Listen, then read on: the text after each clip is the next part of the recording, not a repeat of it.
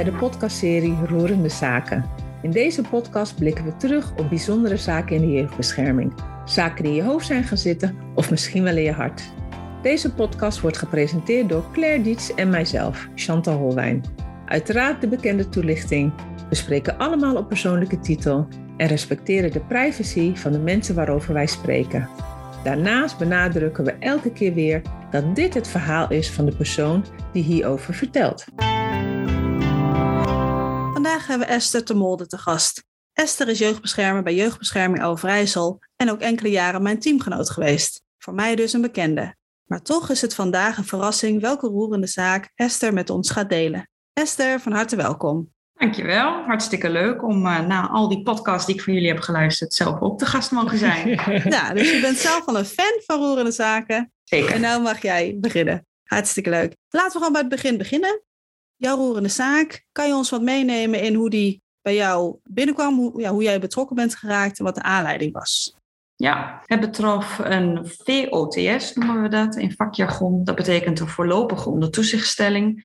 Dus dan is er iets acuuts aan de hand, waardoor er direct ja, bemoeienis eigenlijk noodzakelijk blijkt vanuit buitenaf. In dit geval uh, nou, ik als jeugdbeschermer, maar ook de Raad voor de Kinderbescherming is dan nog betrokken. En er was ook direct een machtiging tot uithuisplaatsing uitgesproken door de rechter. Dus er lagen twee maatregelen die, uh, nou, waarin ik gebeld werd. Vanuit een bureaudienst eigenlijk. Hè. Dus ik deed dan, uh, zat op kantoor gewoon mijn werk te doen. En dan heb je bureaudienst. Dus dan word je gebeld nou, Esther, er is een uh, voorlopig onder toezichtstelling uitgesproken en een machtiging uit huisplaatsing.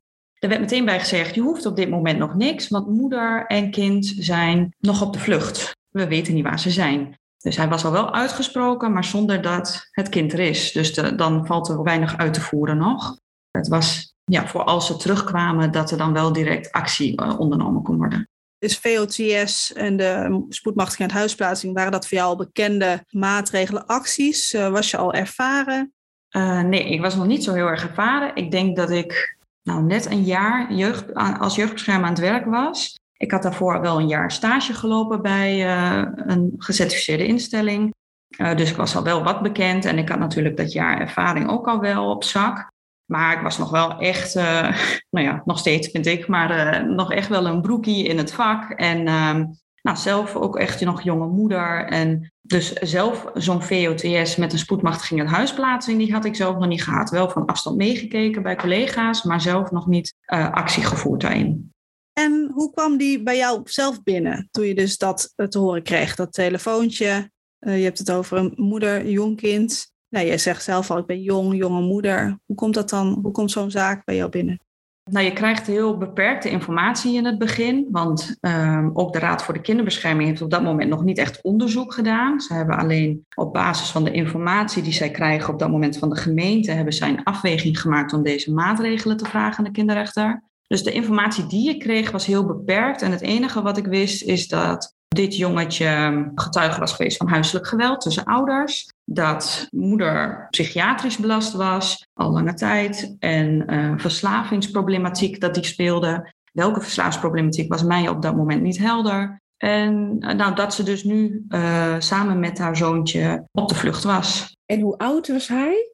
hij was toen acht jaar oud. Ja, dus nog een jong uh, jongetje, was ook het enige kind tussen deze ouders. Dus er was op dat moment, hè, schiet even de adrenaline hoog, hè, want ik heb bureaudienst en ik moet dat dan, ik moet daar iets in gaan doen. Dat weet je, maar gelukkig aan het einde van het gesprek werd al duidelijk, weet je, ik kan nu niet zo heel veel. We hoeven nu niet op een huisbezoek om aan te zeggen dat het jongetje uit huis moet. Of die adrenaline zakte ook wel weer heel snel. En ik was vooral heel nieuwsgierig naar, nou, hoe gaat dit dan? Hè? Dat is toch wel een beetje ook een, toch een spannend verhaal. Ook voor mm-hmm. mij als beginnend jeugdbeschermer van oké, okay, hoe gaat dit dan nu verder? Hè? Wat als moeder dan weer thuis komt? Wie informeert mij daar dan over? En ben ik er dan? Hè? Want dat is natuurlijk ook maar altijd de vraag. Want het was duidelijk, jij kreeg hem binnen, maar jij ging er ook mee verder? Ja, want ik was op dat moment inderdaad, nou ja, misschien net geen jaar aan het werk. En op dat moment zat ik nog een soort van in een opbouwende fase als het gaat om mijn caseload. Dus moest ik, nou ja, ik had ruimte in ieder geval om uh, de zaak op te kunnen pakken. Hey, je maakt het ook een beetje spannend, hè? Dat je zegt, nou, het is, het is ook wel spannend. Ja. Ik begin het ook spannend te vinden. We zitten natuurlijk bij roerende zaken. Wat heeft jou geroerd? Neem ons even mee. Oeh, ja, dat zit echt veel verderop in de zaak. Dat uh, zit niet uh, aan deze start. Het is inderdaad een spannende start, vond ik zelf ook hoor. Heel spannend allemaal, heel onbekend. Maar de, uh, wat mij zo geroerd heeft aan deze zaak is ja, die eerste paar maanden eigenlijk van de ondertoezichtstelling. Uiteindelijk zijn ze teruggekomen. En ben ik samen met de raadsonderzoeker, hè, dan ga je op een huisbezoek en dan is het aan de Raad voor de Kinderbescherming om te zeggen, joh, wij hebben zulke danige zorgen over jouw zoon dat wij een ondertoezichtstelling hebben gevraagd en een machtiging tot huisplaatsing. Nou, dan maak je samen een plan met elkaar. Op dat moment kon dat jongetje voor de, het was toen meivakantie, die kon toen voor die twee weken meivakantie in ieder geval bij familie terecht. Dus dat was hartstikke prettig, was bekend. Dus dat is ook gebeurd. En na die twee weken zei dit gezin, joh, voor ons is dat ook echt, uh, meer gaan we niet doen, want we hebben zelf ook een gezin. En uh, nou, dat, dat wordt ons te veel. Dus hij is toen weer teruggegaan met een veiligheidsplan naar moeder thuis. Maar dat is uiteindelijk na ongeveer, na ongeveer vijf weken uh, toch niet goed gegaan, ondanks dat veiligheidsplan. Maar hij kon dus thuis blijven, want er is een machtiging verzocht. Ja. En ondanks die machtiging is er toch voor gekozen. Hè? Zagen jullie denk ik mogelijkheden om toch hem thuis te houden? Ja, nou goed, dit was haar er, ergste nachtmerrie. Hè? Dat vertelde ze ook toen we daar bij haar thuis waren voor het eerst. Van joh, ik ben op de vlucht geslagen omdat ik in paniek was. Ik voelde hem aankomen dat ze mijn kind gingen weghalen. En nou, dat is het laatste wat ik wil. Hij is mijn alles, ik ben zijn alles. En ik wilde hem dat niet aandoen. Nou, ik moet toch een keer terug naar huis, want hij moet ook naar school. Dat snap ik ook wel. Uh, dus is het toch teruggekomen en haar nachtmerrie werd eigenlijk werkelijkheid op dat moment. En dat voelde je heel erg. Dus eigenlijk roerde, hè, begon daar al dat je ziet hoeveel impact dat heeft op dit kleine gezinnetje. En ja, dit jongetje die ook heel goed wist wel vanaf het begin, het gaat ook niet zo goed met mijn moeder. Mama voelt zich niet zo lekker en die zegt misschien soms een beetje gekke dingen. Dus die voelde heel goed aan, het gaat niet heel erg goed met mijn moeder. Uh, dus je kon hem ook wel goed daarin meenemen en uitleggen waarom dingen gebeuren zoals ze gebeuren. En ook heel duidelijk eerlijk zijn van, hè, ik weet nog niet, je gaat nu naar je, hè, naar je tante en je oom en je nichtjes en je neefjes, maar ik weet nog niet wat we daarna gaan doen. Hè. In ieder geval voor de meivakantie ben je daar. Nou, en toen hebben we in die twee weken hebben we toch een veiligheidsplan uh, met moeder bedacht en met haar netwerk. Dus die hebben jullie ook betrokken? Ja, die hebben we ook betrokken, zeker. Ja, de, haar familie speelde daar een hele grote rol in. We hebben veiligheidsafspraken gemaakt ook met deze vader. Er was, zoals ik vertelde, al huiselijk geweld tussen deze twee ouders. Dus daar hebben we heel duidelijke afspraken gemaakt, ook in samenwerking met de politie bijvoorbeeld. Nou, en dat alles bij elkaar maakte dat aan het einde van die twee weken, toen deze mensen zeiden, joh, we kunnen niet langer voor hem zorgen, dan sta je voor een keuze met z'n allen. Gaan we dan die machtiging inderdaad nog verzilveren? Dus ga je hem plaatsen in een pleeggezin, een crisispleeggezin wordt dat dan? Of is dit veiligheidsplan dan voldoende voor nu om de veiligheid te waarborgen en op die manier toch uit goed vertrouwen verder te gaan? En die keuze hebben we toen gemaakt. Ook omdat we die band heel erg zagen tussen ja, de behoefte van dit jongetje om bij zijn moeder te zijn. En hoe reageerde moeder daarop? Want ze was daar angstig voor. En eigenlijk hebben jullie toch met elkaar in samenwerking, ook met, het, met de omgeving, netwerk, een plan kunnen maken waardoor hij weer thuis kon wonen.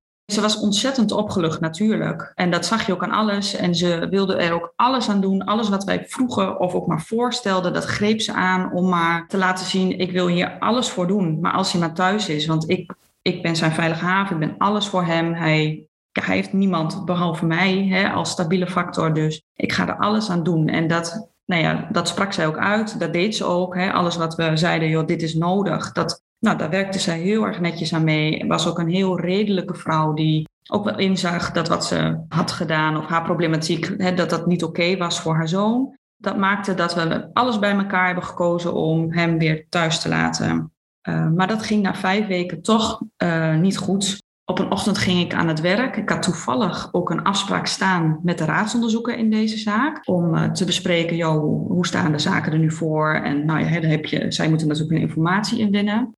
Ik doe om half negen mijn laptop open en ik bekijk mijn mail. En ik zie dat ik rond drie uur die nacht was gemaild door deze moeder. Het was een warrige mail waarin ik in ieder geval uit kon opmaken dat ze onder invloed van het een of het ander was. En uh, dat ze zelf dus aangaf, Esther, ik wil dat je hier komt, want ik kan het niet. Ik wil het heel graag, maar het lukt me niet. Kom me maar ophalen. Ik heb mijn laptop meteen dichtgeklapt en um, ik dacht, nou, als deze vrouw om hulp roept, dan, dan moet dat ook geboden worden. Dus ik ben daar ook zo blind naartoe gereden. ondertussen de raadsonderzoeker gebeld hè, om hem op de hoogte te stellen.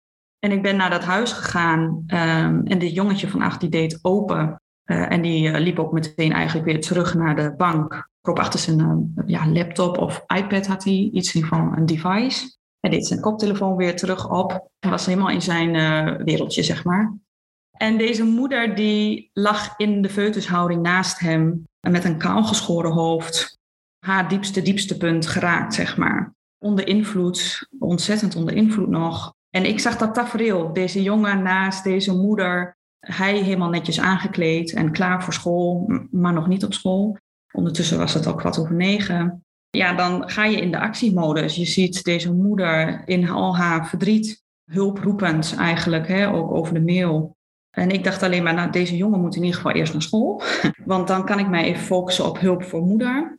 Hoeft hij daar niet bij te zijn. Ze was heel erg, uh, nou ja, nog onder invloed natuurlijk. En uh, sorry, sorry, en uh, het lukt me niet. Ik zei, nou, daar gaan we het straks over hebben. Joh, ik zei, weet je wat, ik ga eerst een boterhammetje smeren voor hem. Waar ligt het, hè? Nou, waar ligt het beleg? Toen heeft ze me zo half geholpen, even boterham nog smeren. En um, heeft ze nog in haar, nou, al haar goedheid zijn haren goed gedaan. En heeft ze op dat moment, en dat was nou ja, het meest roerende misschien wel, dat zij hem vastpakte, hem aankeek en heel doordringend en zei: Mama kan nu echt niet voor jou zorgen. Het gaat niet goed met mama. En ik moet eerst beter worden. En dan beloof ik jou, dan ga ik weer voor jou zorgen. Maar dat moet eerst gebeuren. En je gaat misschien wel naar een ander gezin toe. Maar die gaan heel goed voor jou zorgen. En um, wij blijven elkaar zien en bellen. Maar het komt echt goed. Mama gaat heel hard werken om voor jou weer te zorgen. En heel even in dat moment, jij staat daar dan? Ja, als toeschouwer. Wat gaat er door je heen? Ja, heel veel emoties. Want je ziet een moeder die ja, zo'n zo dieptepunt raakt, maar dat zo niet wil. En dat ook aan, ja, ik voelde dat in elke feest van mijn lijf. Van joh, je hebt zo, zo hard je best gedaan om het goed nog, hè, nog goed te houden.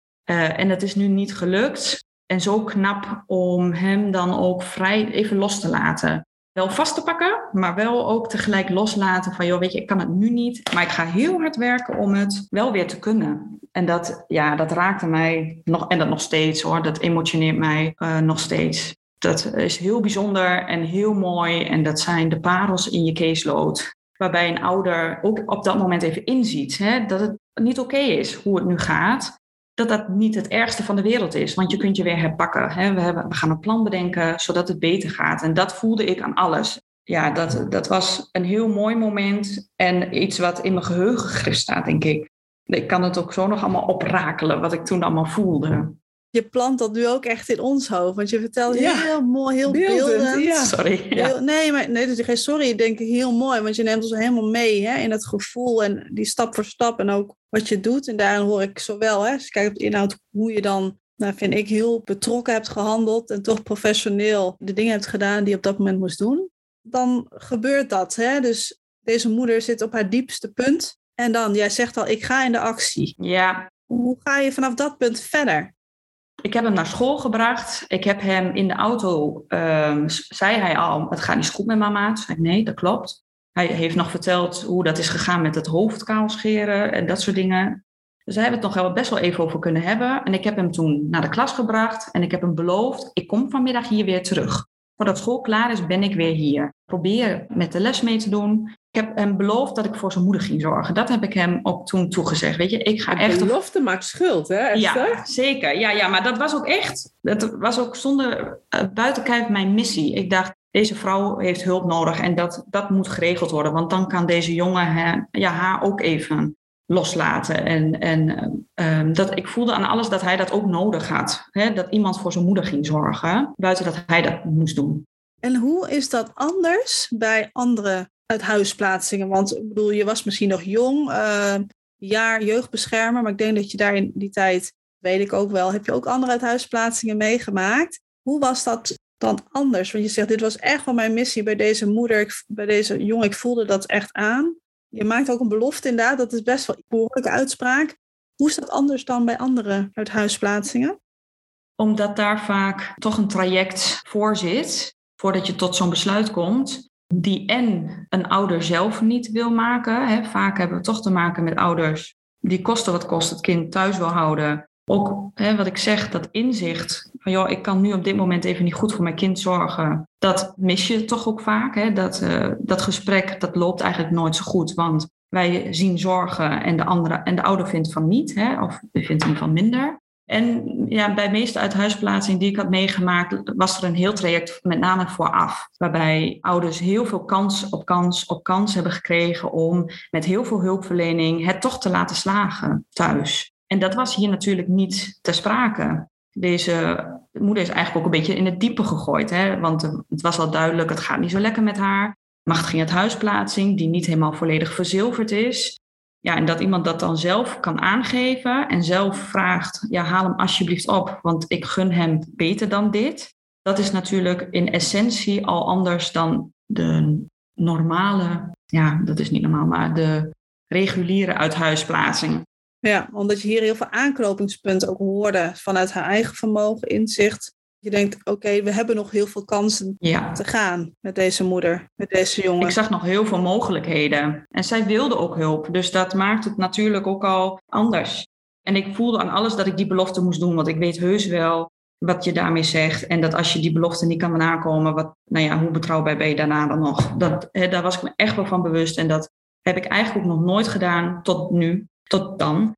Maar ik voel dan alles, dit moet gaan lukken. Deze vrouw moet hulp hebben, nu, vandaag. En dat is ook gelukt. Dus wat dat betreft heb ik mijn belofte ook wel kunnen inlossen. Oké, gelukkig. Ja. Maar nog niet naar het is gelukt, want we zijn nog in die... Want ik ben er ook benieuwd, je staat daar, hè? Hoe lukt het jou om toch zeg maar zo te handelen hè? en die moeder gerust te stellen en het kind gerust te stellen? Toch ervoor te zorgen dat hij met een gevulde maag naar school gaat. Ik kan me voorstellen, is ook schrikken als je iemand in die kwetsbare positie, haar weg, weggeschoren, wat is er allemaal gebeurd? En je doet het.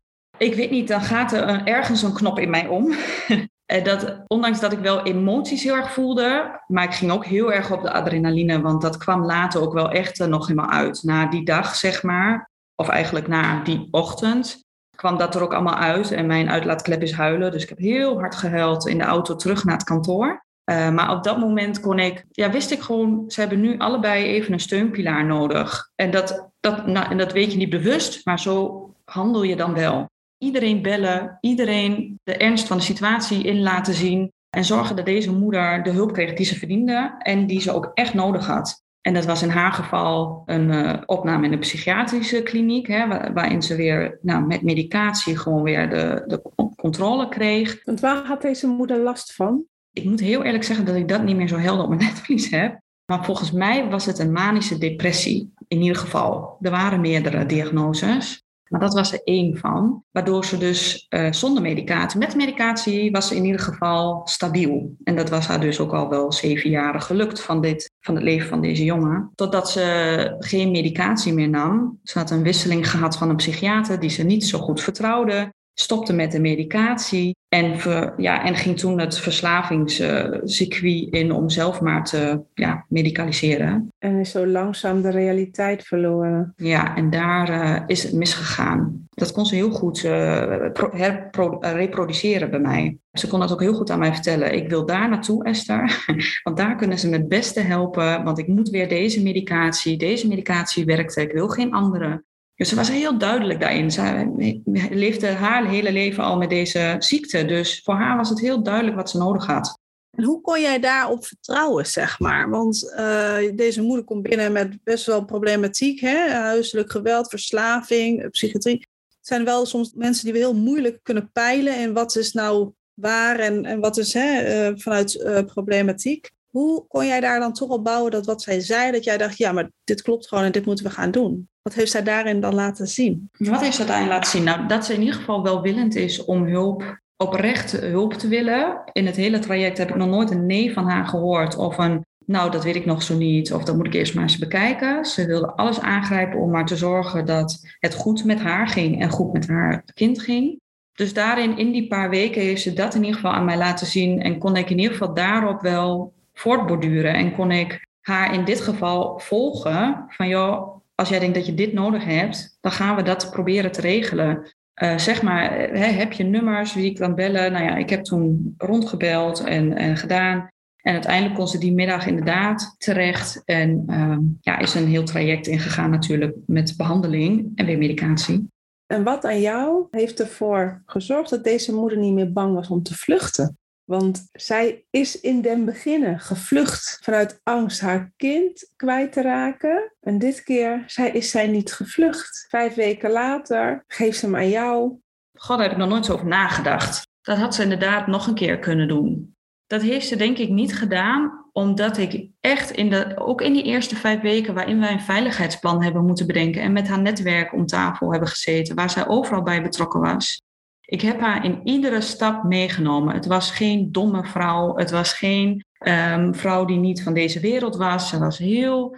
Ze wist heel goed waar ze het over had. Ze kende haar zoon het beste. Ze kon zo goed omschrijven hoe het thuis ging, hoe het, wat, welke moeilijkheden ze ook had in het alleenstaande moederschap, hoe haar eigen verleden was. Dus in die eerste vijf weken heb ik zo'n, ja, heb ik heel intensief contact gehad. Ik heb echt geïnvesteerd. Nou had ik ook de tijd. Ik had niet een volle caseload, dus dan heb je ook gewoon ja, echt wel iets, paar uurtjes meer, zeg maar. Dus ik heb in, in die eerste weken echt geïnvesteerd in de relatie, in ik neem jou met elke stap mee die ik maak. Jij, hè, uh, we kunnen het niet eens zijn met elkaar, maar je kun, zou me er nooit van kunnen betichten dat ik, je, hè, dat ik niet eerlijk ben geweest of niet betrouwbaar ben of niet iets, of iets zeg en niet doe of andersom. Dus ik denk dat ik daarmee wel heb laten zien dat ik betrouwbaar ben in ieder geval. En dat ik ook echt wel het goede met hun voor had. Dat ik elke keer kon benoemen, joh, ik zie die band tussen jou en je zoon en hoe bijzonder die is. Dus ik wil ook dat het met jou goed gaat. Hè? Ik heb helemaal geen belang erbij om hem uh, op een andere plek even te laten zijn. Want ik zie wel dat het hier de beste plek is voor hem. Dus dat wist zij denk ik ook heel goed. Van, ja, Ze kreeg je... die erkenning van moederschap dat zij ondanks haar psychiatrische problematiek, haar kwetsbaarheid, dat je toch vertrouwen had en zij eigenlijk moeder mocht zijn. Ze, was, ze is natuurlijk moeder, maar je probeerde dat niet van haar af te nemen. Nee, ondanks haar beperkingen op dat moment, die ze zelf ook wel echt kon erkennen, was dat niet het eerste waar ik het gesprek over ook aan hoefde te gaan. Want ik dacht, weet je, uh, volgens mij vind jij het zelf nog veel erger dan dat ik het misschien als buitenstaander vind of als jeugdbeschermer vind. Je schaamt je ontzettend voor alles wat er is gebeurd en je wilt zo graag anders doen, maar je hebt de handvatten niet. Dus dat voelde ik aan alles. Dus dat vertrouwen heb ik haar ook al die tijd, ook nou, in dat hele OTS-jaar, VOTS-jaar, heb ik haar dat elke keer weer teruggegeven. Van joh, je bent een waanzinnige vrouw, een ontzettend goede moeder voor jouw kind. Ze had een lichtpuntje, ze had ergens om naartoe te werken. Ze had hou vast. Je hebt haar hou vast geboden als ik het dat zo hoor. En het vertrouwen ook, hè? Dat, ze dat, kan, dat ze dat ook kan bereiken. Ja, dat hoop ik. Ik wil even terug naar, dat, naar die dag. Want jij zegt inderdaad, hè, dat doe je toch op adrenaline. Want natuurlijk voel je van alles, maar je kan op dat moment niet handelen vanuit emotie. Maar hè, want je moet wat. Je zegt, ja, dan komt adrenaline en daarna word ik heel emotioneel in de auto. Hoe ga je daar dan mee om? Want in de auto zit je alleen of uh, ga je collega's opzoeken? Hoe ga je met dat soort emoties om op werk?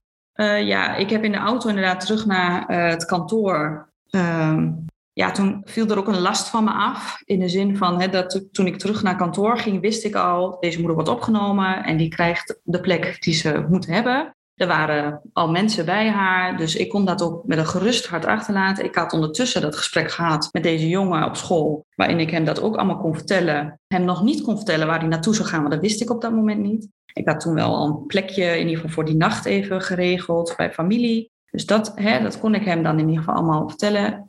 Dus er viel ook een last van me af. En die opluchting, zeg maar, die adrenaline van die hele ochtend en middag, ja, die kwam eruit in de auto inderdaad, omdat het laatste gesprek was met hem. En dat was gewoon een heel, zo'n mooi gesprek waarin ik, ik vond het altijd heel erg spannend om met jonge kinderen te spreken. Ik was altijd bang dat ik misschien iets doms zou zeggen of iets zou zeggen waardoor ik ja, dat kind misschien wel uh, nog meer schade toe zou doen dan, dan al was gebeurd. Of, hè, ik had in ieder geval allemaal van die, uh, ik was daar heel angstig voor. Maar dat gesprek ging gewoon zo mooi en goed. En um, ja, kon ik ook eerlijk zijn zonder, ja, zonder alle details. Hè, uh, maar wel, joh, dit is wat ik je wel kan vertellen, wat echt gaat gebeuren. En dit is wat ik je nog niet kan vertellen. En daar was ik heel eerlijk in. En dat kon hij ook nou, hij kon ook hele mooie vragen aan mij terugstellen. Dus, dus dat viel allemaal van mij af in die auto. Dat, die spanning en de adrenaline, dus dat heb ik allemaal uitgehaald. Nou, toen, heb ik me, toen ik eenmaal bij kantoor kwam, een beetje weer herpakt. Want ik dacht, nou, om nou helemaal overstuur dat kantoor in te lopen, vond ik weer uh, dat, dat voelde dan niet heel prettig. En toen eenmaal op kantoor voelde ik, ja, er zit nog zoveel meer. Ik moet dit kwijt. Toen ben ik op zoek gegaan naar een collega waar ik dat kwijt kon. En ik heb de deur gesloten en ik ben daar uh, in, weer in tranen uitgebarsten. Heb mijn verhaal kunnen vertellen, ja, waardoor ik het eigenlijk ook wel kwijt was. Ik kan me ook voorstellen dat luisteraars zullen denken, hé, hey, wacht even. Maar waar is die vader gebleven? Want er was misschien wel sprake, niet misschien, er was sprake van huiselijk geweld. Maar hij is toch betrokken. Hij was ook bij het maken van het veiligheidsplan en andere familieleden. Dus waar zijn die gebleven? Ja, dat is een hele terechte vraag. En dat is ook een mogelijkheid die we absoluut al hadden besproken, ook met uh, deze moeder. Waarbij er in de relationele sfeer, familiaire sfeer, gewoon ook heel veel speelde tussen haar en haar familie. Die uh, er van alles van vonden dat zij een verslavingsproblematiek had. Nou ja, in ieder geval, hè, daar kwam ik dan na die weken natuurlijk haar leren kennende en haar netwerk leren kennende. Voelde ik aan alles, joh, er zitten hier van allerlei spanningen, spanningsvelden, ook uit het verleden. En waarbij deze moeder maar uiteindelijk ook heeft verteld, ja, eigenlijk wil ik niet dat hij bij familie of iets dergelijks terechtkomt, want ja, zij accepteren mij niet. En dat vind ik dan lastig voor hem, om hem, want hij weet dat ook heus wel. We zien elkaar wel met kerst en met uh, leuke gelegenheden doen we allemaal mee. Maar om hem daar te laten zijn, op het moment dat ik me op mijn kwetsbaarst voel en uh, ontzettend bezig moet met steun in ieder geval om verder te komen, gaat me dat niet helpen. Dus dat was al in die vijf weken al een keer besproken. Van joh, wat als het niet goed gaat? En die vader, ja, vader die was wel en niet betrokken. Dus die had werk waardoor die hele lange periodes weg was. Dus die was af en aan betrokken in zijn leven. En als hij er was, dan was het altijd heel fijn. Dat kreeg ik ook te horen. Als je het hebt over, joh, even tijdelijke opvang. Dat wilde en kon hij ook niet bieden. Maar dat wilde hij zelf ook niet. We hebben wel contactmomenten uh, toen ingeregeld, los van deze moeder. Dus dat deze jongen in ieder geval wel contact had met zijn vader. Maar hij wilde en kon niet op dat moment voor crisis uh, een opvangadres zijn. Dat zijn wel allemaal dingen die zeker uh, besproken zijn. Ook wel uitvoerig, waardoor ik ook meteen wist toen dit gebeurde, ik moet op zoek naar een crisispleeggezin die matcht. Die de ruimte heeft voor deze moeder, die echt tijdelijk deze jongen heel goed gaat verzorgen. Maar ook heel duidelijk weten, deze jongen gaat ook weer waarschijnlijk een keer terug. En we gaan deze moeder gewoon proberen te helpen. Want je bent daar heel stellig in, hè? Dus ik merk dat ik daar blij van word als ik dat hoor. Dat je eigenlijk van begin af zegt van ja, maar het is eigenlijk nooit een twijfel geweest of hij niet terugkomt. Nee, deze moeder ging aan zichzelf werken en uiteindelijk komt dat kind terug. Ja, dat heb ik natuurlijk nooit zo uitgesproken toen dit gebeurde. Ik heb elke keer wel vanaf dat moment gezegd, joh, jij gaat, jij gaat hulp zoeken en jij gaat hulp krijgen. Jij gaat keihard werken om jezelf weer op de rit te krijgen stabiliteit te creëren in je leven. En als dat lukt, dan zie ik geen reden waarom hij niet bij jou zou kunnen wonen. Daar was ik wel heel duidelijk in. Ik heb nooit daar uitgesproken van hij komt sowieso weer terug. Want dat kun je niet zeggen. Want je weet natuurlijk niet op dat moment aan het begin van zo'n traject hoe dat dan verder gaat verlopen. En of die behandeling dan gaat aanslaan. Als en het of... aanslaat en ja. los van de tijd, zeg jij, je hebt haar ook de tijd gegeven ja. om met zichzelf aan de slag te gaan. Ja, en dat heb ik ook elke keer, want zij wilde op een gegeven moment, was ze in behandeling en kreeg ze medicatie en wilde zij al best wel heel snel, ja, zo snel mogelijk natuurlijk weer terug naar het oude. En daarop heb ik echt wel een aantal keren op de rem moeten trappen van joh, neem nou even je tijd, zorg dat je, creëer ook die tijd voor jezelf. Ik snap dat je heel graag weer voor hem wil zorgen en dat je kunt, wil laten zien dat jij het weer zelf kan. Maar het is nu eenmaal toch al zo. Hij zit op een goede plek. Dat vond zij ook. die plek was fantastisch. Hij kon ook redelijk snel alweer uh, een nachtje slapen, zeg maar, in het weekend, weer terug. Dus die, die, contactmomenten waren heel positief en goed, verliep goed. Maar ze wilde al heel snel weer terug naar het oude. En daarop heb ik echt wel een paar keer met haar een discussie moeten voeren. Hè? Gezonde discussie van, joh, wat is dan het goede moment? En misschien ben ik iets te voorzichtig soms. Maar aan de andere kant hè, uh, wil jij misschien iets te snel, terwijl je nog midden in een behandeling zit. En dit ook nog, hè, deze therapieën, ook heel veel van je vragen. Zorg ook dat je je tijd even, even neemt, want je hebt hem nu toch. Kon ze dat horen? Ja, kon ze heel goed horen. Daar kon ik, nou, precies zoals ik het nu jullie zeg, zo heb ik het haar ook gezegd. Hoe schadelijk zou dat voor hem zijn? Dat hij weer terugkomt en opnieuw ziet dat het niet goed gaat met jou. En weer, nou ja, en misschien wel naar een ander hè, crisispleeggezin dan moet op dat moment. Nou ja, en dan kon ze ook echt wel horen van ja, nee, dat, dat wil ik ook niet. Oké, nou dan doen we, hè, dan kozen we altijd een middenweg. Dus ook niet per se mijn idee, maar ook niet haar idee. Dan kozen we ergens een middenweg. Ja. Want hoe hou je dan je betrouwbaarheid? Hè? Want jij zegt inderdaad van het begin af aan, we kunnen het oneens zijn met elkaar, maar ik wil wel betrouwbaar zijn. Ik neem je in alles mee. Dat heb je ook laten zien, hè? dat je, je doet wat je zegt, je zegt wat je doet. Dan kom je inderdaad op zo'n punt van wel terug naar huis, niet terug. Deze moeder wil sneller dan jij. Het zijn ingewikkelde gesprekken, want dat is toch vaak waarom we eh, misschien wij inderdaad meer op de rem staan dan deze ouder. Hoe hou je daar dan in toch je, je verbinding met deze moeder in die samenwerking en ook je betrouwbaarheid? Dat is wel een goede, maar ik heb eigenlijk daarin hetzelfde weer vervolgd wat ik die eerste paar weken ook deed. Namelijk, ik heb iedereen die betrokken was bij deze moeder in haar behandeling, in haar medicatiegebruik, maar ik heb zelfs de gemeente, die wat mij betreft het daarna ook weer over kon gaan nemen van mij, die heb ik ook meteen erbij gehaald. En we hebben elke, moet ik even goed nadenken, maar volgens mij elke twee maanden, dus ongeveer elke acht weken, hebben we een soort van mini-MDO gehouden. Een overleg waarin moeder erbij was, maar ook behandelaren en de verslavingszorg en ik en uh, gemeente. En hebben we met elkaar elke keer afgestemd, hoe gaat het? Gaat het nog volgens plan of moeten we afwijken van het plan en waarom dan? Inhoudelijk hè, was ik natuurlijk echt niet van alles op de hoogte van haar behandeling. Dat hoefde wat mij betreft ook niet. Ik wilde gewoon weten, de bevestiging, het gaat de goede kant op en uh, we kunnen uiteindelijk weer terug naar een stabiel leven voor haar. Dus ik heb daarin hetzelfde gedaan als de eerste weken, haar elke keer op de hoogte gehouden. In ieder geval ook bij die gesprekken, één keer in acht weken. En ook elke keer het gesprek aan blijven gaan over de, de contactmomenten tussen haar en haar zoon. Want die behoefte was er gewoon heel erg, zowel van haar als van hem. Uh, dus ook elke keer meegedacht, nou, wat kunnen we dan nu doen? Oké, je bent weer thuis. Hoe gaat dat dan thuis? En uh, kun je dan een nachtje, kan die nachtje komen logeren? En ook daar veiligheidsplannen voor gemaakt. Wat als het toch niet goed gaat, of je toch de behoefte hebt om weg te gaan of iets te gebruiken, wat doe je dan? Het is niet erg als dat gebeurt, als je maar wel eerlijk bent dat het gebeurt. En dat je je dan houdt aan de afspraken die we hebben gemaakt. Dus daarin gaf ik haar vertrouwen van, joh, ik vertrouw jou erop dat jij aan de bel trekt als het toch minder met je gaat. Ik hoor je ook zeggen, het mocht ook minder gaan.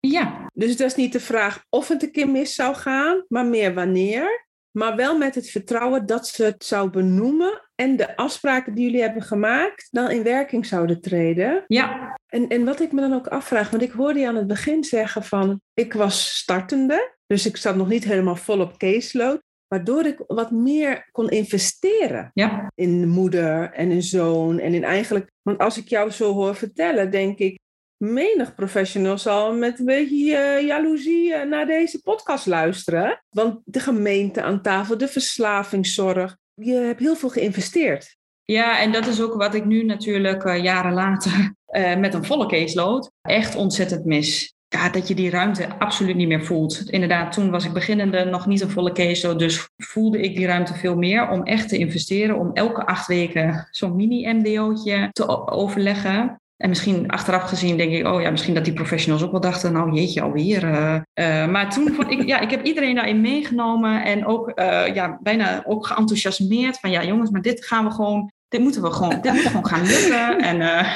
hè, dus ze waren er in ieder geval, hè? Ze waren er. Ongeacht wat ze van je dachten. En wat heeft het opgeleverd? Want je hebt heel veel geïnvesteerd aan de voorkant. ja. ja.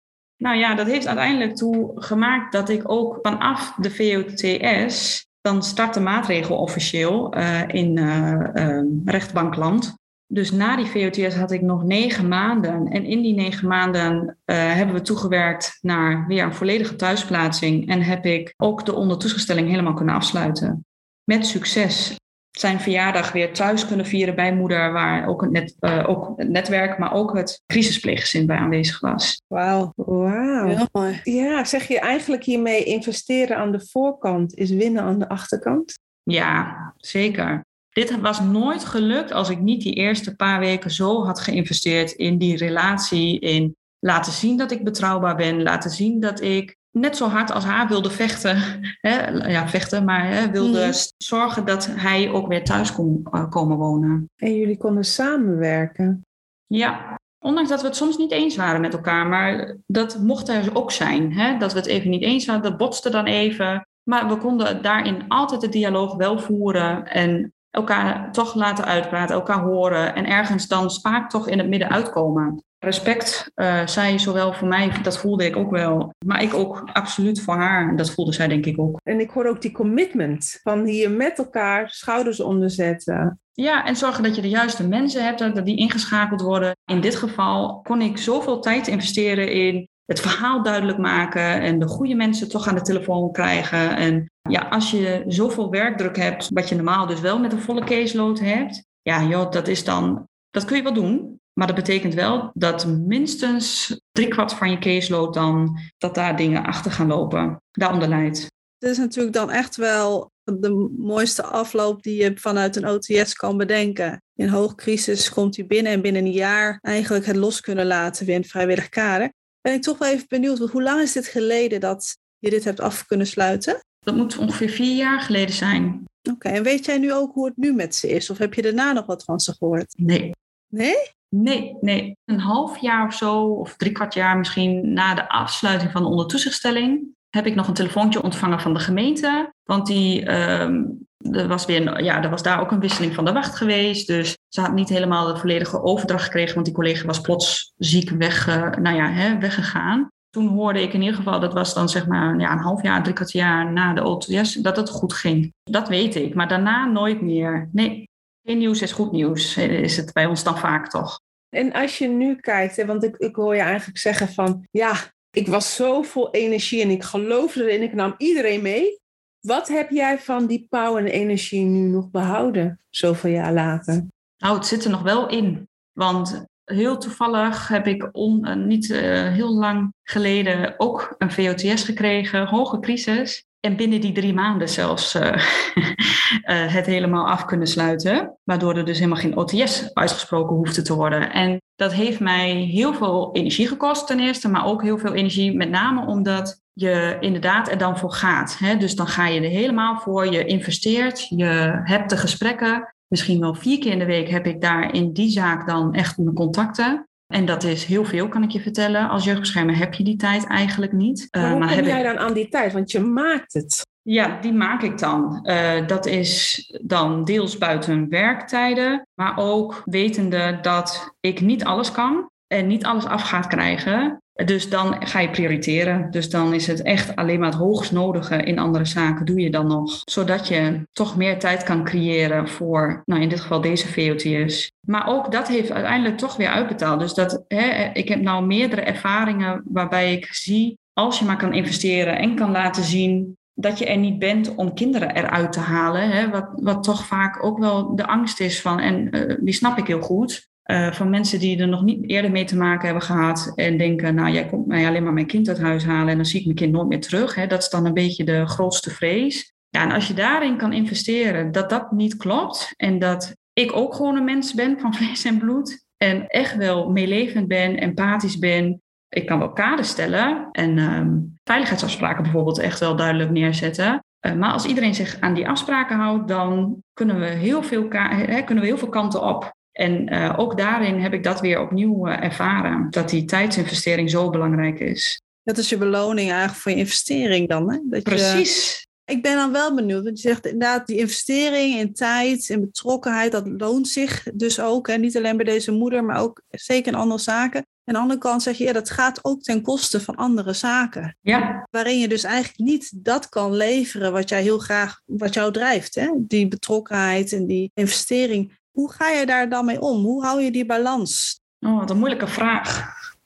Ergens weet je dat je daar niet 100% even kan geven.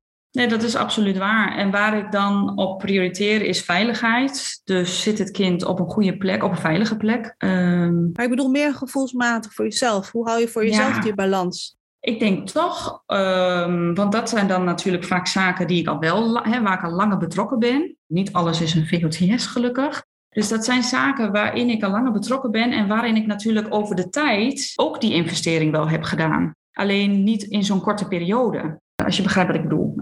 Ja. maar je hebt natuurlijk dan al vier of vijf jaar dat intensieve contact bij andere gezinnen. Dus dan weet je ook precies oké, okay, het is niet erg als ik hier wat meer nu op de achtergrond ben. Ze weten mij heus wel te vinden. En je zorgt ook dat, hè, wij zijn natuurlijk regiehouder wat dat betreft. Dus het is ook niet zo dat bij, bij elk wisselwasje bij wijze van spreken, oh hij is geschorst van school, hè, dan komen wij niet meteen nou, dan staan we niet meteen op de stoep, zeg maar. Maar wat kost het jou daarnaast dan? Want ik hoor je zeggen, een deel is ook in eigen tijd. Je zei in het begin ook jongmoeder, je hebt een gezin. Dus die eigen tijd gaat ook af van de tijd die van iemand anders is. Ik heb het geluk dat ik thuis het stabiel heb, zeg maar. Hè, dat, daar, uh, nou, dat dat allemaal wel loopt. En een uh, man die ook in de zorg werkt, die onregelmatig ook werkt ook nog eens. Dus die is ook heel veel bij de kinderen. En hij weet hoe belangrijk soms dingen. Als ik zeg dat ik iets moet doen, omdat het belangrijk is, dan gaat hij de discussie ook vast niet met mij aan. Waar moet dat dan nu echt? Het is niet zo dat ik elke week dingen buiten mijn uh, werktijd doe, gelukkig. Hij weet heel goed, als ik nu echt iets moet doen, dan moet het ook nu gebeuren. Hey, en jij zei in het begin, hè, helemaal van, ik was nog jong, onervaren, een jaar. Toen zei je ook nog, ja, dat vind ik nu ook nog wel. Hoeveel jaren ben je nu jeugdbeschermer? Ja, dat ik nu echt jeugdbeschermer ben, is nu ruim vijf jaar, vijf en een half jaar. Wat voor professional ben jij nu dan vergeleken met toen? Want eigenlijk hoe je het vertelde, dat klinkt al heel professioneel. Je hebt het netwerk, investering, alle mooie stappen, plannen altijd samen met netwerk, met ouders. Dat klinkt heel deskundig, heel ervaren. Jij zei toen, ik ben net een jaar begonnen. Je bent nu vijf jaar verder. Ben ik wel benieuwd wat voor professional je nu bent.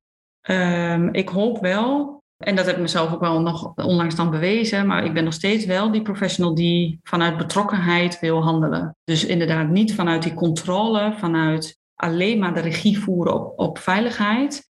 Maar wetende dat daar een heel verhaal achter schuilt. En dat er meer nodig is dan alleen maar een veiligheidsplan maken. Ja, en als zouden ze zich niet aan houden, ja, dan houdt het op. Hè? Dan hebben we het geprobeerd. Ik probeer echt nog steeds wel te investeren in die ja, en te laten zien dat ik betrouwbaar ben. Dat is denk ik, los van hoeveel tijd ik daar dan voor heb, maar probeer ik in ieder geval betrouwbaar te zijn.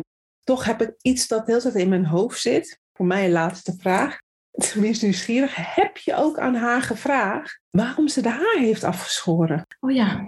Ja, nee, sorry, ja, dat, ik ben de hele tijd bezig. Maar ik, ja. ja is er nog een moment dat je denkt, heel even hoor, bijvoorbeeld Marietje, maar waarom je haar? Waar... Ja, ja, ja, nee, dat is zeker te sprake gekomen. Ja, ja, lachen. ik snap de nieuwsgierigheid wel hoor. Nee, want dat was mijn nieuwsgierigheid natuurlijk ook wel. En dat kwam later inderdaad, eh, toen ze eenmaal uh, opgenomen was en um, nou, wat rustiger was. Toen heb ik haar opgezocht daar in die uh, kliniek, zeg maar. En toen hebben we het daar wel over kunnen hebben, over die dag. Hè, om even te laten weten hoe ik dat toen heb gedaan. Maar dat had ze, was het toen natuurlijk, nou speelden er heel veel andere dingen. Dus toen heb ik haar verteld hoe die dag was gelopen. Want dat wist ze ook eigenlijk niet meer goed te vertellen. Dus was voor haar verwerking denk ik ook nodig. En toen heb ik haar wel die vraag kunnen stellen. Die band hadden we ook wel. Dat, ik, nou, dat we af en toe humor hadden of grapjes konden maken. Of het ook even over lichtere zaken konden hebben. En in dit geval kon ik haar ook wel even vragen van... Goh joh, want haar haar was ondertussen natuurlijk alweer een beetje gegroeid. Dus ze had een mooi kort kapsel ondertussen, zeg maar een kort pittig kapsel. En toen zei ze wel van ja, weet je, ik, ik kan me eigenlijk van die nacht eigenlijk weinig herinneren. Ik weet alleen dat toen ik smiddags weer keek, ja, dat ik al mijn lange lokken in die wasbak zag liggen. Dat heb ik gewoon in mijn baan heb ik dat gedaan. Joh, ik kan me dat niet eens herinneren. Nee, ze heeft helemaal, helemaal geen uh, gedachten achter. Want toen ik daar s ochtends kwam, had ze ook een muts op. Dus ze schaamde zich er ook heel erg voor. Dus ze had ook een muts op gedaan om dat te verbergen. Wat zou jij de huidige professionals en toekomstige professionals mee willen geven? Ik denk dat ik het belangrijkste vind dat je zorgvuldig bent. Dus dat je zegt wat je doet en dat je daarmee ook betrouwbaarheid laat zien. Maar ook dat je wel betrokken blijft bij de ouders, bij het netwerk, bij het kind. En dat hoeft niet altijd te zijn dat je daar uh, elke week op de stoep hoeft te staan of uh, gesprekken moet voeren met, uh, met iedereen. Maar wel als het moet, als ze het nodig hebben, om er dan te staan. En niet vanuit paniek te reageren, maar ook wel vanuit, vanuit zorgvuldigheid. Je mag jezelf ook de tijd gunnen om te twijfelen en om collega's even in te roepen: wat moet ik doen? Dat gun ik iedereen.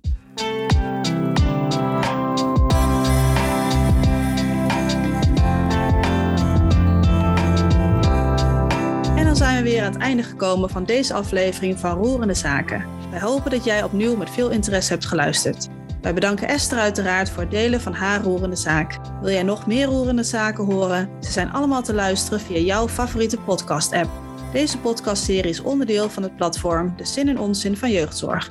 Meer info hierover vind je op www.zo-jeugdzorg.nl. Voor nu een fijne dag gewenst en graag tot de volgende roerende zaak. Esther, heel hartelijk bedankt. Jullie ook bedankt. Bedankt Esther. Tot de volgende. Tot de volgende keer. Doei.